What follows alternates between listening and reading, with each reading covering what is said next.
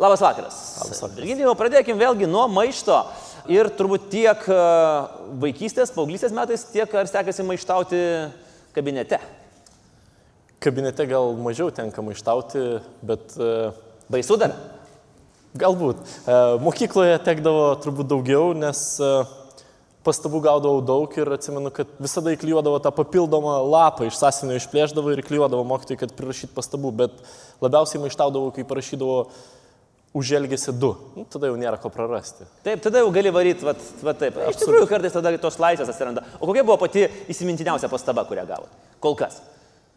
Ten buvo įvairių. Virginijus. E, dažniausiai būdavo taip. Virginijus replikuoja per pamokas. Virginijus nesiklauso mokytojų. Virginijus užveda visą klasę ir sudrumšia rimti. Bet tokie. Bet man čia, aš pavyzdžiui, įsivaizduoju dabar vyriausybės posėdį, man čia viens prie vieno yra.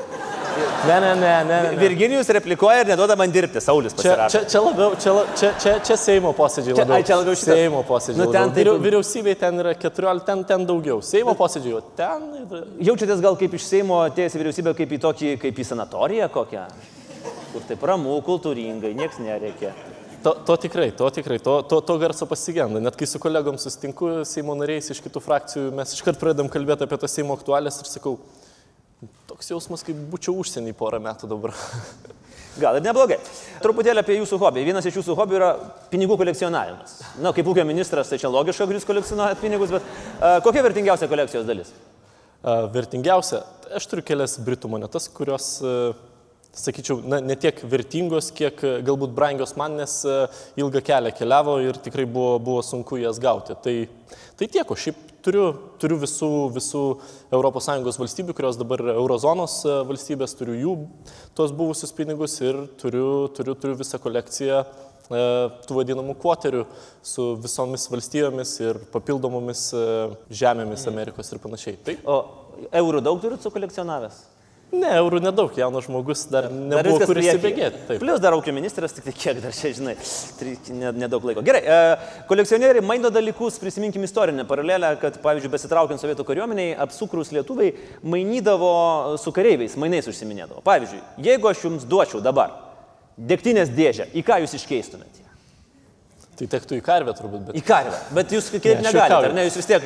Nu, ne, nu turėjau pajokauti apie tai, bet... Uh, Čia toks liūdnesnis. Deg, degtinės, degtinės dėžė čia labai sunku, man nebaisiai reikalingas daiktas, nes labai ilgai antrą kartą vestuvių nebus, tai kur aš ją O naudočiau? pirmą, kar- per pirmą kartą buvo degtinės dėžė? Ne, tai nu, vestuvės tai normalu, tai turbūt, kad turi būti.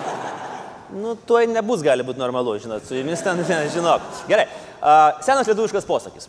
Daktaro, advokato, policininko, kunigo reikia kartą per gyvenimą, ūkininko reikia tris kartus per dieną. Nu, čia kai lietuviai galvoja, dar nežinojo, kad taip iš tikrųjų bus. Bet čia aš kaip ir pagyriau jūs, galima sakyti. Gerai, iš ūkio ministro viršūnės. Ar matosi ateitis Lietuvoje, kokių vat mums profesijų reikės labiausiai? Žinoma, tai pirmiausia, tai IT specialistų, o jau ten einant žemiau, kokia, kokia specializacija, tai įvairių, bet pirmiausia, IT specialistų, inžinierių, e, mechanikų ir panašiai, nes viskas robotizuojasi ir šiandien dienai reikia dirbti su staklėm, nesvarbu, ar tai yra siuvimo staklės, kas turbūt labai nepatrauklu, ar tai yra a, a, mechanikai dirbantis įmonėje, kuri kūrė navigacinės sistemos Rolls-Royce'ui. Tai viskas yra Lietuvoje, tokie dalykai kūriami ir inžinieriai bus vieni, vieni patraukliausių ir svarbiausių. Ir čia mes netgi valstybė didindama programų skaičių, krepšelių skaičių dėje, bet jau susidurime su problema, kad nepakanka mokytojų. Mm.